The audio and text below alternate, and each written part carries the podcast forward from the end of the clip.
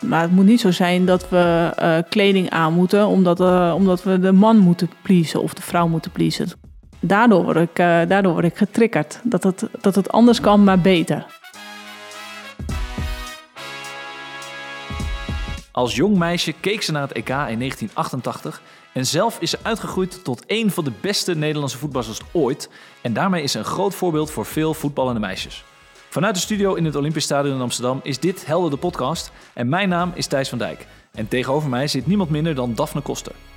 Daphne begon haar voetbalcarrière op zesjarige leeftijd bij het jongensteam van SVA in Assen-Delft. En groeide uit tot een van de beste speelsters van Nederland. Sinds zij als aanvoerster in 2009 met de Nederlandse Leeuwinnen de halve finale bereikte, is ze een waar rolmodel voor vele meisjes die dromen van een leven als prof. Zij slipte bijna alle mogelijke prijzen in de wacht.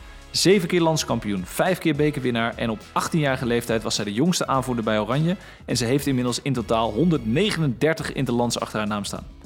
Zij was ook de eerste Nederlandse vrouw met een profcontact in de Verenigde Staten, waar ze bij Sky Blue FC speelde en grote indruk maakte. Na deze prachtige voetbalcarrière is zij nu moeder van twee dochters en werkt ze al een aantal jaar als manager vrouwenvoetbal bij Ajax. Ook is zij werkzaam als voetbalanalist bij de NOS en ESPN. En last but not least is zij bij ABN AMRO betrokken als ambassadeur talentontwikkeling, waarmee zij jonge talenten helpt met het maken van de volgende stap in hun carrière. Wij praten vandaag uitgebreid met haar verder. Daphne, welkom in de studio. Fijn dat je er bent. Ja, we beginnen deze podcast altijd met drie dilemma's uh, voor onze gasten. En waarin ik je eigenlijk alleen wil vragen om ja of nee, of eens of oneens uh, te antwoorden. Want later in de aflevering wil ik daar even dieper met je op ingaan. Ben je er klaar voor? De eerste stelling is meteen een uh, pittige stelling. Ook ik had in 2017 Europees kampioen moeten zijn. Ja. De tweede stelling. Lieke Martens is onlangs verkozen tot mooiste sportvrouw volgens mannenblad FHM. En dat betekent dat wij er als vrouwenvoetbal nu echt bij horen. Oh, je hoort me zuchten. Uh, nee. En laatste stelling. Op een dag word ik bondscoach van Oranje. Uh, nee. Nou, de luisteraars horen het al, er zitten wat twijfels in. Dus ik denk dat hier hele interessante eh, discussies over gaan ontstaan. Maar voordat we de diepte ingaan uh, over jouw stellingen en je keuze die je gemaakt hebt, gaan we even luisteren naar een uh, fragment wat jij hebt meegebracht. Want eigenlijk in elke aflevering vragen we onze gasten om een speciaal fragment te nemen wat, hun, wat hem of haar inspireert of heeft geïnspireerd. En jij hebt ook een fragment meegenomen van jouw sportheld. Laten we even gaan luisteren naar dit fragment. De eerste corner voor Nederland komt van Erwin Koeman. Erwin Koeman neemt die bal. Bal wordt doorgekomen door Gullit. En uh, wordt dan toch uh, weggewerkt door de Sovjet-Unie. Is Erwin Koeman die de bal inwerkt. Geen buitenspel. Van Basten dan helemaal vrij staan. Kan die bal komen? Gullit komt die. Die heeft het erin. Het is een goal. Het is die bal van Erwin Koeman. Dat van Basten. Het is Gullit die zijn eerste doelpunt scoort op dit Europees kampioenschap. Een fantastische goal. Tegen de verhouding in. Maar wat maakt ons dat nou uit? Helemaal niet. Want Nederland staat op 1-0. Dus zijn we blij. En Van Basten zegt, die doet eigenlijk wat goed. Die komt de bal uh, heel goed door. En dan staat Gullit helemaal ja, kippenvel. Ik krijg elke keer als ik dit fragment hoor nog steeds uh, kippenvel. Waar hebben we net naar geluisterd? Nou, dit is een, uh, een moment van het uh, Nederlandse elftal op het EK van 88. Waar ik bij was ik een zevenjarig meisje. wat op dat moment naar het voetbal keek. En het was Gullit die de winnende, of de eerste, het eerste doelpunt binnenkopte. Ehm ja, dat is voor mij is dat, uh, is dat dit wel een beetje symbool voor heel het EK, maar ook later uh, in, mijn, in, in mijn fase met, uh, met Gullit, dat ik hem heb leren, leren kennen. En waarom inspireert dit fragment jou dan zo? Want ja, iedereen zal uit die EK-finale het doelpunt van Marco van Basten natuurlijk als eerste noemen. Het mooiste moment van het EK, zeggen vaak mensen, de goal van Van Basten. Wat maakt dit fragment dan zo speciaal voor jou? Nou, weet je, het is, uh, uh, dat was voor mij was het heel erg moeilijk om, uh, om momenten aan te geven. Want ik haal mijn inspiratie eigenlijk uit, uit heel veel, nou ja, uit sportbeleving, maar ook uit verhalen. Ehm, mensen die ik, die ik leer kennen en daardoor nou ja, geïnspireerd raak. Of dat ik iets van hen meekrijg waarvan ik denk, hey, dat, dat moet ik eruit halen. Ehm, maar het, het, EK 88, dat staat, is eigenlijk voor mij het allereerste moment dat ik bewust uh, werd van wat sport met je doet. En dan met Gullit vind ik het nog het speciaal. Hij werd uh, het jaar erop werd hij wereldspeler. tenminste werd hij voetballer van de, van de wereld. Bij AC Milan toch was dat? Ja, moet je nagaan, dat weet ik. Dat, dat, zo scherp heb ik hem zelfs nog niet eens. Maar, en ik weet het moment dat hij dat opdroeg aan Nelson Mandela. En nu ik verder in de tijd ben, en op dat moment als mijn zevenjarig meisje heb ik dat nooit doorgehad. Maar als je dan weet, als, je, als een sporter dat doet, en ik ben van dat moment ben ik me ook heel erg, heel erg bewust, is dat hij dus altijd wel gevoel heeft gehad voor wat hij als persoon, wat hij kon zijn voor anderen. Uh, en wat dat betekende. En dat hij daar ook voor stond. En uh, nu ik hem heb mogen leren kennen uh, bij de commissie Mijnals. En ik heb hem ook al met het bid van 2018, 2022 heb ik hem, daar heb ik hem eigenlijk voor de eerste keer echt ontmoet. ja, is, is hij wel een persoon van als hij gaat praten, dan ben ik altijd even aan het luisteren. Ja, dat zeg je, dat zei je. Dat zei je. je zegt hij kan genieten als hij aan het woord is. Maar hoe komt dat dan? waar, waar zit dat dan? Nou ja, door de energie die je dus ziet uh, op tv met, uh, met de oude beelden van, uh, van 88 in ons achterhoofd. De energie die, die, die, die, die hij in het spel neerlegt. als, als je nu, als hij bevlogen van iets is, ja, dan legt hij diezelfde energie in. En dan, ja, dan praat hij anders dan menig menig persoon. Ja, en, even, en, en, daar kan ik van genieten. Als iemand anders is of anders durft te zijn dan, uh, dan de norm. En dat durft hij. Ja, en dat durfde hij toen ook al natuurlijk door met zijn lange manen die wedstrijden te spelen. Dat was natuurlijk ook al een verschijning op het veld. Maar eh, was hij dan ook, als je dan terugkijkt naar dat, naar dat EK 1988, is heel lang geleden. Maar was hij dan ook voor jou de held van het elftal? Uh, nee, want ja, ja, Gullet, maar ook van, van Basten natuurlijk. En helemaal in die tijd hoor, want dat is, uh, dat is het mooie van vandaag de dag met de meiden. Dus uh, die zien nu ook heel veel sportende vrouwen. En toen de tijd was dat minimaal, dus ik, ik zag alleen maar sportende mannen. Dus mijn, mijn voorbeelden waren van Basten, Bergkamp, Edgar Davids wat later dan ook uh, Gullet, maar Rijkaard. Dus dat waren de, de iconen op dat moment. En daar keek ik wel uh, als meisje tegenop. En die had ik ook wel boven mijn bed hangen. En hoe inspireerde hij dan jou in jouw voetbalcarrière? Want jij, als ik het goed heb, jij was verdediger toch in het veld? Of ja, ben je ook een nee, multifunctionele ja, speler nou, geweest als ik, uh, ja, ja, ik ben uh, begonnen als, als spits en uh, langzaam maar zeker uh, achteruit gezakt. achteruit gezakt. Ik, ik, ik, stak, ik stak boven mijn teamgenootjes, toen de tijd alleen mijn jongetjes, stak ik, daar stak ik bovenuit ik werd tegen een goede spits gezet en zo ben ik gescout. En ben je als verdediger word je, word je opgeleid. Maar ik heb uh, heel lang altijd op het middenveld gestaan. Een beetje een type Edgar Davids. Um, en uh, ja, bij Nederlands elftal speelde ik eigenlijk uh, vaak centraal achterin. Ja, net als Gullit later in zijn carrière. Nee. Ja.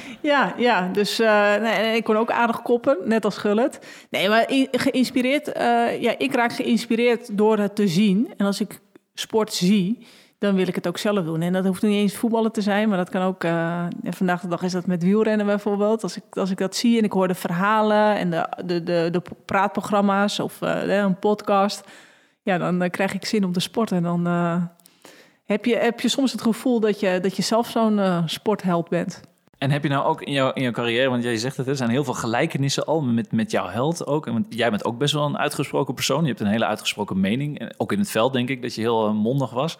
Uh, heb je dat dan ook meegenomen vanuit die inspiratie van Van Basten en Gullit? Of is dat gewoon vanuit jezelf, vanuit je eigen identiteit? Nou, ik denk dat dat uh, deels komt door, uh, door je omgeving. Dus dat ik altijd de ruimte heb gehad om, om mijn mening ook wel te ventileren. Dat ik ook werd uitgedaagd, ook door mijn thuissituatie. En dat je ook nou ja, je aangetrokken voelde door personen als een Gullit of een Edgar Davids met hard werken. En dat je dat wel als ja, maatstaf op dat moment neemt van ja, dat dat durf ik ook of dat wil ik ook. Ja, de lat moet altijd uh, hoger. De lat moet altijd hoger, ja. ja, En, je zit en, dus, en, en in mijn tijd, ik, en toen ik een meisje van zeven was, ik wist dat er een Nederlands elftal voor uh, mannen was, maar ik ben denk ik pas op mijn zestiende erachter gekomen dat er ook een Nederlands elftal voor meisjes of voor vrouwen, voor vrouwen was. Want dat, ja, ja, toen de tijd niet de, de Insta's en de Twitters en noem maar op. Dus je moest het echt van de tv en de krant hebben. Nee, nee ja, dat, daar waren de vrouwen gewoon niet, uh, niet zichtbaar. Niet zichtbaar op, nee. En je zegt, uh, ik, ik zit ook met hem in die Mijnals-commissie nu, hè, waar je ook heel veel van, van hem leert. Dat is natuurlijk weer een andere ja, fase ook in jouw leven. In je voetbalcarrière heb je, ja, wat ik zeg, een beetje de vergelijkenissen, die, die zie ik wel. Maar wat leer je nu dan van hem in je huidige rol of in je huidige functie ook bij Ajax? Nou, het is niet zo, zo, zozeer... Uh, ja, het is wel leren, maar het leren op een ander vlak. Hè. Het is niet zo dat je, dat je denkt van, nou, dit wist ik niet. Het is meer dat het een bewustwordingsproces is. Uh, iedereen in die commissie Mijnal zitten er allemaal mensen vanuit verschillende disciplines en vanuit een, een andere. Alle, alle mensen die daar zitten hebben een andere achtergrond en die hebben allemaal hun ervaringen. Um, en ja, de een, er zijn een aantal die kunnen dat echt perfect onder woorden brengen. Daar is onder andere uh, Ruud is er een van. En die kan, het is niet zo van dat het een. Het is niet, hij, ervaart dat er discriminatie is of racisme, maar het gaat vaak om hoe kunnen we dat veranderen? Waar ligt dat aan? Welke processen zijn er? En als je dat kan kan aangeven. En eh, dat kan hij met een bepaalde mate van energie. Ehm, ja, uh, daar word ik wel altijd uh, getriggerd door. Ja, een bepaalde charisma dat hij meeneemt toch eigenlijk? Ja, dat neemt hij mee. En dat neemt hij mee vanuit zijn, vanuit zijn achtergrond. Of hij, hij, hij, geeft voorbeelden aan waar hij mee te maken heeft. En dat is precies hetzelfde vanuit mijn achtergrond. Meer met, met de vrouwen, dan geef ik het ook aan. En vaak zie je wel dat er een, een link is. dat je tegen dezelfde principes aanloopt. Um, ja, en daar heb je dan over. En dan, ja, dan wordt, je, wordt je zicht alleen maar groter. Ja, we praten deze podcast met name over helden en de eigenschappen van, van helden. En als ik jou een beetje goed begrijp, is een echt eigenschap van een held... is dat je je ook uitgesproken durft te zijn en anders durft te zijn. Of, of misschien juist wel jezelf durft te nou ja, zijn. Ik zeg altijd, je moet uh, uh, tegen de sporters ook... als je altijd maar hetzelfde doet als de rest... dan krijg je dus ook hetzelfde resultaat. Dus de kunst is om, ja, om ook anders durven te zijn. Want dan is het resultaat ook anders. En wat zijn nog meer eigenschappen voor jou van een, van een held of van iemand die echt impact maakt? Want jij bent, ja, eigenlijk ben je er zelf natuurlijk ook wel iemand die impact wil maken, die die verandering wil doen. Ja, ja, ja misschien. Ja, het is wel mooi, want je zegt van uh, wil maken, maar ik, wil, ik, ik, ik ben er niet bewust van dat ik iets, dat ik impact wil maken. Nee, het, het triggert me en ik denk, ja, het kan beter. En dan uh, er kunnen meer mensen kunnen ergens van genieten, of het resultaat kan beter zijn, of de het, het, het, het, het resultaat, uh, als, je, als je ergens geld in stopt, dan kan het resultaat uiteindelijk groter zijn. Dus er is een grotere winstmarge op. daardoor, word ik, daardoor word ik getriggerd. Dat het, dat het anders kan, maar beter. dus het is, niet, het is niet per se continu op zoek naar van wat is de, wat is de, volgende, wat is de volgende stap. Maar ik zie de volgende stap steeds.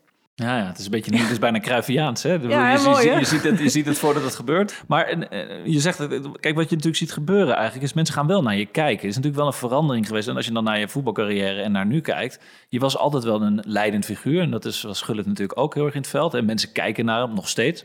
Hoe, hoe is dat voor jou om dat te hebben? Ondanks ja, ik ben er niet bewust mee bezig. Het gebeurt wel. Hoe ga je daar dan mee om? Jeetje, ja, dat, uh, hoe ga je er dan mee om? Dat, dat, dat, nou ja, gewoon door door dat te doen wat ik. Uh, wat, één, nou ja, ik ben natuurlijk wel bewust van dat inmiddels dat, dat mensen naar mij kunnen kijken. Dus ik ben, uh, als ik soms op straat loop, ben ik niet helemaal meer vrij in mijn eigen handelen. Dus ik doe misschien wel soms net even iets anders dan dat je, dat je zou willen. maar voor de rest, ja, ik, ik ik ben me daar dus niet bewust. Eh, ik ben me daar niet, behalve op straat, maar voor dat, dat, je, dat je gezien wordt en dat je denkt, ja, ik moet niet door rood rijden, want dan denken ze, oh, die kosten die rijdt door rood. Maar voor de rest, nee, gewoon, gewoon gedraag je gewoon normaal. Ja. En dan vraag jij me, wat is normaal? Ja. Nee, nee, absoluut niet. Nee, ik, ik, ik, begrijp wat je zegt. Kijk, waar ik, wat mij gewoon heel erg triggert in, in dit gesprek, ook naarmate we verder gaan, is dat er heel veel overeenkomsten zijn tussen jouw held. Hè? Dus iemand die jij zag op zevenjarige leeftijd op het EK en jouzelf nu, hoe jij nu handelt. En ik ben ook wel benieuwd naar van hoe dat dan is. Hè? Was uh, voor jou de held op het EK met meerdere uh, mensen. En nu ben jij eigenlijk de held voor veel jonge meisjes, wat ik ook zei uh, in de introductie. Ehm, hoe, ja, hoe pas je dat dan toe in de, in de praktijk? Dat gaat automatisch, dus dat, uh, dat, dat, denk ik dat, dat het wel met, dat hoor je wel van meer leiders, dat, ja, dat gaat vanzelf. Je pakt zelf die positie. Ehm, en het is niet iets waar, waar je, dat is misschien ook wel of iemand gemaakt is en eh, of iemand doet het gewoon vanuit zijn eigen drang. Dus het is, uh, het is, ja, het is een. Uh, ja, je hebt een gevoel dat je dat moet doen, een bepaalde verantwoordelijkheid die je ook voelt. Uh, dat je ook denkt, ja, dat, eh, als, je, als, je, als je het laat liggen, dat dan op dat moment het niemand uh, niet, niet oppakt. Maar het gaat grotendeels gaat het gewoon echt vanzelf. Het is een, een, ideaal wat je nastreeft, of een droom voor jezelf. Wat je, ik wilde als droom wilde ik profvoetbalster worden. Nou ja, dat is, uiteindelijk is dat gelukt. Of het, ik wilde voor Ajax spelen, dat is ook gelukt. En zozeer het Nederlands elftal nog niet eens, want daar kwam ik er heel laat achter.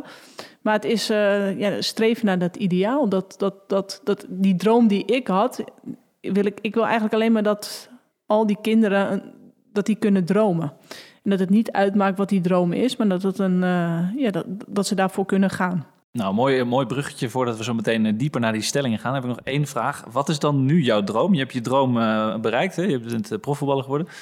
Ja, dat, dat, is een, dat, is een, hele goede vraag. Wat zou ik nu willen bereiken? Um, nou, dat ligt nog, nog steeds heel erg dicht bij die dromen. Dat gaat er meer om dat ik nu eigenlijk zou willen dat, uh, dat zowel jongens of als meiden dat kunnen doen wat ze, wat, ze, wat ze graag willen doen. En niet worden tegengehouden doordat uh, bepaalde groepen denken dat het niet voor hen is of uh, ja, dat ze dat niet mogen doen. Een van de stellingen waar we het net over hadden, nou, het begon al heel erg uh, spannend. Hè? Je moest even goed nadenken over de, de keuzes die je maakte. En het triggert mij om door te gaan naar eigenlijk de, de stelling over nou, Lieke Martens. Hè? Dat zij onlangs verkozen is tot mooiste sportvrouw volgens het mannenblad FHM.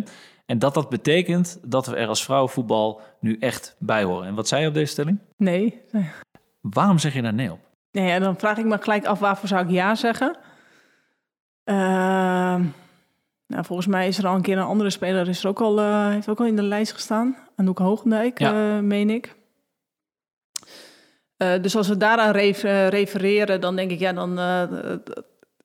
ja, weet je, het, het, het, het, zegt niks. Het is eigenlijk, ja, ik vind vaak als, met, met cosmetica.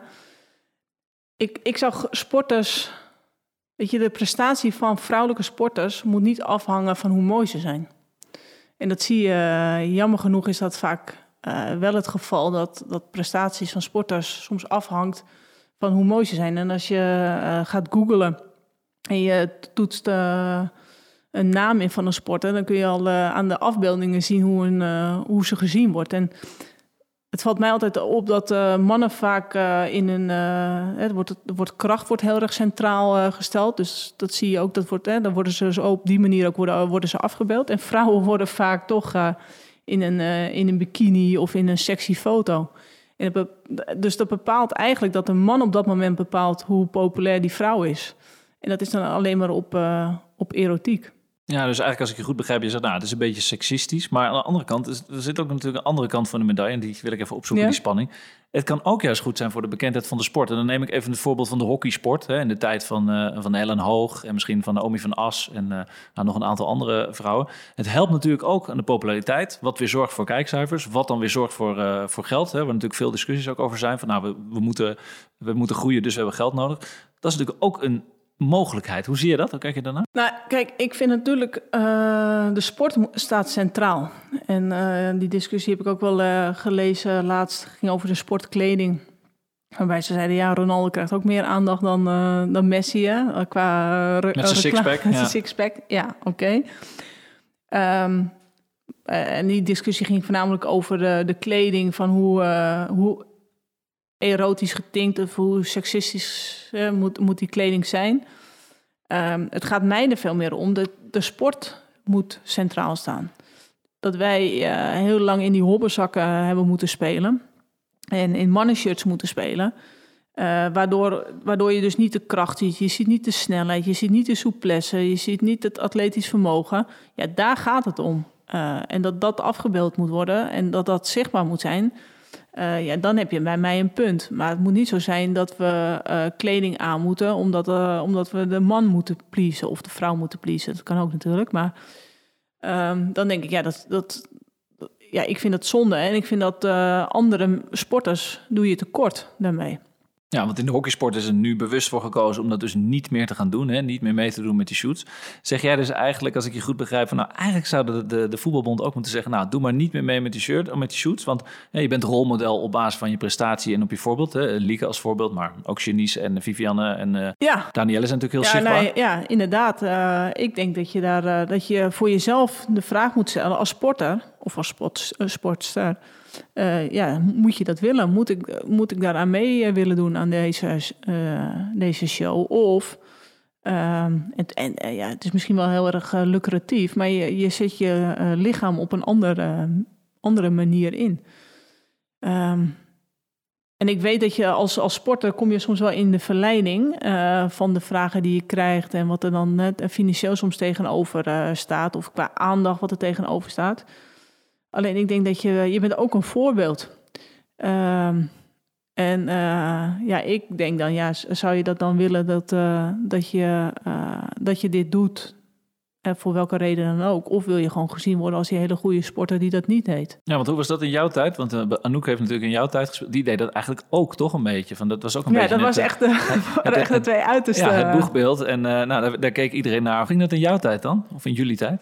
Nou ja, weet je, het gaat om... Het, het, ja, uh, ja, hetzelfde. Ja, ik maak mijn keuzes puur vanuit de, uit de sport.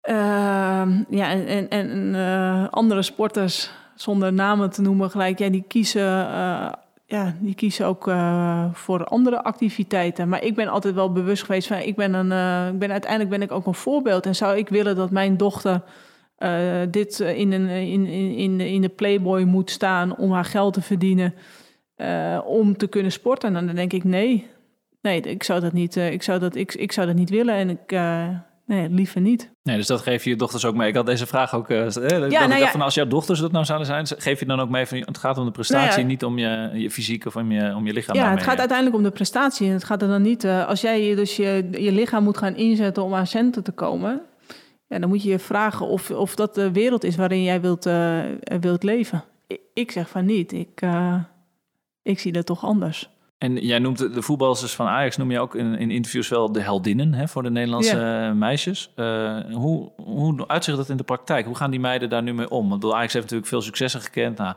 nu hebben we een moeizamer, wat moeizamer seizoen gehad. Hoe gaan die meiden dan om met hun, nou ja, laten we het even heldenstatus noemen? En hoe, hoe manage jij dat dan vanuit jouw rol? Nou, om, om aan te geven, één, dat ze, want daar zijn sommigen nog niet eens bewust van, hè, dat zijn ook nog hele jonge meiden, maar dat ze dus uh, helden zijn. Uh, dit jaar was natuurlijk een, eh, een, een, bijzonder jaar dat je ook je, fans helemaal niet ziet. Dus dat, dus dat is dan al anders. Maar één, ja, die fans die staan wel centraal. Dus als wij de wedstrijden spelen en de aandacht die je aan hen geeft, ja, die, die, die moet er altijd zijn. En weet je ook, dat, dat geef ik ook mee. Van ja, die meiden zijn onafhankelijke, stoere vrouwen heldinnen dus. En die, uh, ja, wees je ervan bewust dat er gewoon meisjes van 5, 6, 7, 8 jaar zijn... die in aanraking komen met Ajax of in aanraking komen met voetballen. En dat jij hun held bent. En dat jij hun voorbeeld bent. En ja, daar moet je dan ook naar handelen. Ja. En als je daarna gaat handelen, dan word je op die manier word je ook, word je ook gezien. En dan nog heel veel kort inzoomen op mijn, mijn stelling. Hè, dat uh, ja, mannen worden in vrouwenvoetbal wel serieus genomen en vrouwen in mannenvoetbal nog niet. Hè, of, of we nou voor de vrouwelijke scheidsrechters hebben of commentatoren of uh, nou, analisten. Nou, ik denk dat het uh, overgrote merendeel... Ik denk, als je het nu over Leone hebt en Mandy van den Berg die straks gaan analyseren... Ik denk dat het voor een heel groot, uh, grote groep al normaal is. Dus die kijken er niet van op. Die maken er ook geen uh, probleem van. Er, zijn, is nog steeds een klein groepje wat daar tegen ageert. En die hoor je ook en die zie je ook natuurlijk. Want dat die, uh, die laten zich wel horen op Twitter. en er zijn nog steeds ja, mensen die niet altijd het proces doorhebben. en en, en ja, daar moet je ook wel vervaken. Ik heb hetzelfde als ik uh, trainers moet aanstellen of ik moet keuzes maken uh, qua personeel. Dat, uh, dat, dat soms heel. Het is best lastig, want ik heb het gevoel dat ik soms nog echt aan het vissen ben in een vissenkom. Als je het hebt over kader. maar je wil uiteindelijk dat het een vijver gaat worden en uiteindelijk dat het een zee wordt en uiteindelijk een oceaan. En dat je ja, meer mensen hebt waar je uit kunt kiezen. Ja, en nu is het, uh, is het nog een kleine groep, maar je moet je daar wel bewust van zijn dat je juist die mensen die dus die ambitie hebben, en dat soms ook gewoon uitspreken of soms niet uitspreken, maar dat je weet dat ze, die, uh, die, die, dat ze potentie hebben, je, dat je die steunt en soms ook een, een zetje geeft en dat je die erbij betrekt. En dat is voor mij steeds de, uitdaging, dat ik steeds aan het zoeken ben van wie kan ik een kans geven, wie kan ik, uh, kan ik behouden ja, daar ben ik, dat is voor mij is dat wel de, de, de, de uitdaging waar ik ook heel veel plezier uit haal. Nou, mooi bruggetje op het woord van kans naar de volgende uh, stelling. Want we, begonnen eigenlijk de, de aflevering met ook ik had in 2017 Europees kampioen moeten zijn. En daarop zei je redelijk stellig Ja. Uh, ja, dat had natuurlijk allemaal te maken, ook, hè, met, te maken met het feit dat jij als eerste Nederlandse voetbalvrouw ook zwanger werd tijdens jouw carrière. En bij Ajax keer je terug op het hoogste niveau. Je was volgens mij een van de beste spelers in de competitie. En toch werd je niet geselecteerd, want je hebt niet meer de kans gekregen. Nee. Um, nee. Ja, jij zei ja op. Dus je zegt, nou, ik had in 2017 Europees kampioen. Nou, vertel maar even jouw kant van het verhaal. dat is een heel lang verhaal. Nee, ja, nee, kijk, wat, eh, wat, wat, dat voelt nog steeds als een, uh, als een, een, een, litteken. En dat zal het altijd wel, wel blijven. Maar ja, ik, ik ben bewust, ben ik ja, moeder geworden. Of in eerste instantie ga je natuurlijk proberen om dat te worden. Maar uiteindelijk ook in mijn, in mijn carrière ja, eh, een kind gekregen. En dan ja, vervolgens wil je terugkomen. En dan merk je dat je in een cultuur zit waar het echt ja, niet vanzelfsprekend is. Eén, dat mensen dat verwachten. En twee, dat ze je helpen. En dat ze heel erg vanaf de zijlijn staan te kijken van hoe je dat voor elkaar krijgt. En weinig medewerking. En ja, dat uh, denk ik van uh, uiteindelijk als ik uh, als, als mm, en dan ga ik niet eens in wat er nou precies hoor, maar als, als, als, als meerdere betrokken personen daar op terugkijken, denken ze, mm, dat hadden we misschien wel anders kunnen doen. Ja, we hadden ook gewoon nannies kunnen inhuren, net als het Amerikaanse team, toch? Die, waar van de helft al moeders is met dochters en waar het allemaal gefaciliteerd wordt. Ja, nou ja, precies. En dat is wel iets waar, waar ik ook, hè, we hebben nu Stephanie van der Gracht, die moeder is bij Ajax, en Serida Spits Desiree van Lunteren, die, uh, uh, die zwanger is geworden dan... die nu aan het, aan het ja, revalideren is of op de weg terug. Ja, die probeer ik daar wel zo goed mogelijk in, in te ondersteunen. En altijd wel waakzaam te zijn voor hun, hun probleempjes waar ze tegenaan lopen. En wat zou jij dan vanuit jouw ervaring vrouwen in de topsport of in de voetballerij mee willen geven als advies van wat jij ervan geleerd hebt? Dat over het algemeen de speelsters er sterker van terugkomen. En dat het dus niet eens aan de speler ligt, uh, maar meer aan de, aan de omgeving. Uh, wat, je, wat je voor zo'n speler over hebt. En het is natuurlijk niet voor iedere speler hetzelfde. Hè. Is iemand een. Uh, in die selectie heeft diegene heel veel speelminuten, zit ze aan de top of had ze in de fase dat ze zwanger wordt, had ze, zat ze zeg maar al bij de tribuneklanten. Dat is natuurlijk, daar zit heel veel tussen. Maar in, in eerste instantie moet je net zo ervan uitgaan, net zoals bij een, eh, een, een kruisbandblessure, dat iemand weer terug gaat komen op zijn niveau. En uiteindelijk ga je dan pas beslissen van uh, of iemand dat heeft gehaald. Maar dan kijk je wel naar het uh, proces wat iemand heeft afgelegd. Ja, er is nog veel winst te behalen. Ik bedoel, kijk, in andere sporten zien we natuurlijk voorbeelden. Serena Williams die terugkomt en nou, nog vele andere voorbeelden. Maar als ik je goed begrijp, er is nog heel veel winst te behalen, zeker in de Nederlandse voetballerij. Um, ja, nou ja, ik denk dat door, dat, uh, door wat, wat dat ik was in 2017 was ik de eerste uh, speelster die uh, bewust die keuze heeft, heeft genomen. En ik denk dat, dat, dat dat voor heel veel mensen een hele leerzame periode is geweest. Het was een hele harde periode, maar ik ben nu nog steeds, het is mij overkomen. En uiteindelijk heb ik, heb ik weer andere dingen gedaan. Hè? Want toen ging ik analyseren, onder andere voor het Nederlandse elftal. Dus ik zeg altijd, de ene deur gaat dan wel weer dicht en dan gaat de andere gelijk wel weer uh, open. Als je die kansen maar blijft zien. Uh, maar uh, ja, voor mij, het is ook het is ontzettend leerzaam geweest. En ik, heb, ik heb eigenlijk in mijn hele carrière heb ik weinig tegenslagen gehad van grote blessures. En vandaag de dag, dit was al echt een hele grote tegenslag. Heb ik een hele moeilijke tijd gehad. nou, uiteindelijk knok je jezelf eruit. Maar wat ik daar heb meegekregen aan, aan, aan aan uh, levenservaring. Dat kan ik nu wel gebruiken bij uh, speelsters die op veel jongere leeftijd met een tegenslag komen. Dus dat haal ik dat voorbeeld haal ik vaak uh, haal ik terug. Of momenten uit, die, uit het proces inspirerend en kwetsbaar dat je dat doet. Het is wel mooi dat je dat dus mee kunt geven uit je eigen ervaring. En ook uh, ja. mooi voor speelsters om dat denk ik ook te horen dan. Dat je voel je ook heel erg Ja, maar het is vaak dat uh, wat, wat spelers... Uh, je bent altijd als speler ben je afhankelijk. En ik was toen de tijd afhankelijk van de bondscoaches... Hè, van, de, van het Nederlands elftal en van de KVB... die dan het beleid voor mij bepaalden. Maar ik had op een gegeven moment had ik één ding wel zelf in de, in de hand. En dat was mijn eigen, mijn eigen handelen. En dat is het enige wat je eigenlijk als sporter continu moet doen. Alleen als, als het lekker gaat, dan heb je dat helemaal niet in de gaten. Maar als het tegen zit, dan gaan, hebben heel veel uh, sporters, of teamsporters, die gaan de schuld buiten hunzelf verleggen. Dus dan ligt het aan de trainer, of het ligt aan de fysio, of het ligt aan de club, of de club wil niet meewerken. En uiteindelijk moet je toch dealen met de situatie die er op dat moment is. En Het enige wat jij kunt doen is dan beseffen, oké, waarvoor ben ik hier? Nou ja, omdat je het zelf wilt, want anders moet je weglopen. Dus eh, ik wilde voetballen. En ehm, eh, ja, moet ik me dan afhankelijk stellen van de trainer of van de nee? Eh, want ja, die, die bepaalt uiteindelijk wel of ik wel of niet speel. Maar ja, ik heb daar geen invloed op. Het enige wat ik kan doen is plezier hebben op de training. En ja, proberen alles zo goed mogelijk te doen en 100% inzet. En uiteindelijk, als je daar die focus op hebt, dan ja, krijg, je, krijg je weer een goed gevoel. Dan kom je eruit, krijg je kans, voel je zeker en dan ga je als een tierenlier. En dan openen weer nieuwe deuren. Nou, ik wil nog heel even kort dan naar de laatste stelling, want ik, ik vind het toch een interessante. Hè? Ooit word ik bondscoach van Oranje. Ja, omdat ik het heel, ik vind het uh, lastig om soms uh, zaken echt, echt uit te sluiten. Dus uh, stel dat ik over twintig jaar wel die bondscoach ben, Um, en dit fragment wordt teruggehaald, dan staat er een keiharde nee. Maar ik denk dat uh, de nee vele malen groter is dan de, dan de ja. Um, en waarom? Nou, ik, ik vind het ontzettend leuk waar ik nu mee bezig ben.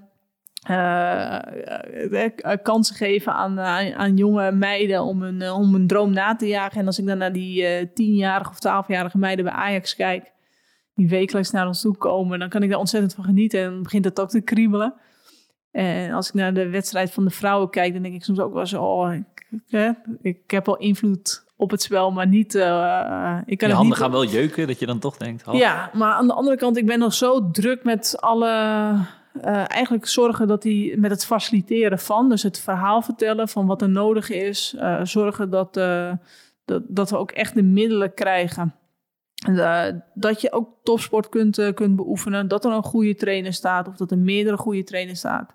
En dat er niet alleen een trainer staat, maar ook een performance trainer en een fysio. En dat je echt onderdeel bent van de club. Um, ja, daar gaat nu nog al mijn tijd en energie uh, in zitten. En, en daarbij zeg ik ook wel van, ja, okay, als je het hebt over voetbal en je wordt echt gewaardeerd. Dan hebben, we het, dan hebben we het niet continu over alleen maar het vrouw of niet over voetbal en vrouwenvoetbal, maar dan hebben we over, ten eerste over het mannenvoetbal en het vrouwenvoetbal. En dan uh, heb je toch meer dat je ja, gezien wordt als voetbal. En dat, dat is nu soms nog een discussie met de, met de KVB. Daar kan ik me ook, daar blijf ik me aan irriteren dat vrouwenvoetbal nog steeds onder dat statutair, nog steeds onder dat amateurvoetbal valt. Nou, met dat soort randzaken uh, er gaat nu nog zoveel tijd en energie zitten om dat proces te veranderen, dat ik nooit mijn volle aandacht kan hebben op het, uh, op het coachschap. En daarvoor zeg ik van, nou, laat me nog maar meer aan de bestuurderstafel, aan de beleidskant zitten. En zorgen dat ik misschien wel een klein beetje in de schaduw, maar tot nu toe krijg ik wel veel gedaan. Nou, en als we dan even die sprong in de tijd maken naar over 20 jaar, je zei het zelf al, hoe hoop jij dat jij zelf herinnerd wordt over 20 jaar? Ik zit hier over 20 jaar met jouw dochter, zit ik hier aan tafel. Wat zegt zij dan over jou? Of hoe hoop jij dat je herinnerd wordt? Uh, nou, als een goed mens. Dat. Nou, dat is kort en bondig. Ja, kort en bondig. Ja. Nou, uh, voordat we naar het uh, einde van alweer deze aflevering gaan, heb ik hier een uh, tegeltje voor je klaar liggen. We vragen aan al onze gasten namelijk om hun lijfspreuk, om hun motto op te schrijven. En dat wordt dan vereeuwigd in de Helder Wall of Fame. Wat is de boodschap die jij toekomstige generaties zou willen meegeven? Nou, het moet op een tegeltje passen. Dus wat zou je op dat tegeltje willen zetten? Nou, op dat tegeltje, het is niet zo heel moeilijk voor mij, maar uh, dat is een, eh, een, uh, ja, een wijsheid. En die heb ik uh, van mijn oma meegekregen. En dat is een, die zei altijd tegen mij, speel het spelkind. En, ehm, Mooi. Ja, en het leven is gewoon één groot spel. En een spel is leuk, hè? Dus dat, en dat gaat iedereen, sommigen, tenminste bij mij, gaat het gelijk gaat om winst en verlies. Maar nee, spel is leuk. Dus of je nou een kaartspelletje aan het spelen bent, of uh, potje voetbal of tennis, of spel is leuk in eerste instantie. En uiteindelijk gaat het erom dat je, nou ja, dat spel speelt op een leuke manier en dat je dan ook uh, nou, soms je winst haalt. Speel en, het eh, spelkind. Speel het, ja, dus de, de levens op het tegeltje wordt speel het spel. Daphne Koster, bedankt voor je komst aan de studio. Deze aflevering van Helder de Podcast is terug te vinden op de website van Helder en op alle social media kanalen. Laat een review achter en laat ons gerust weten wat je van deze aflevering vond. Tot de volgende keer!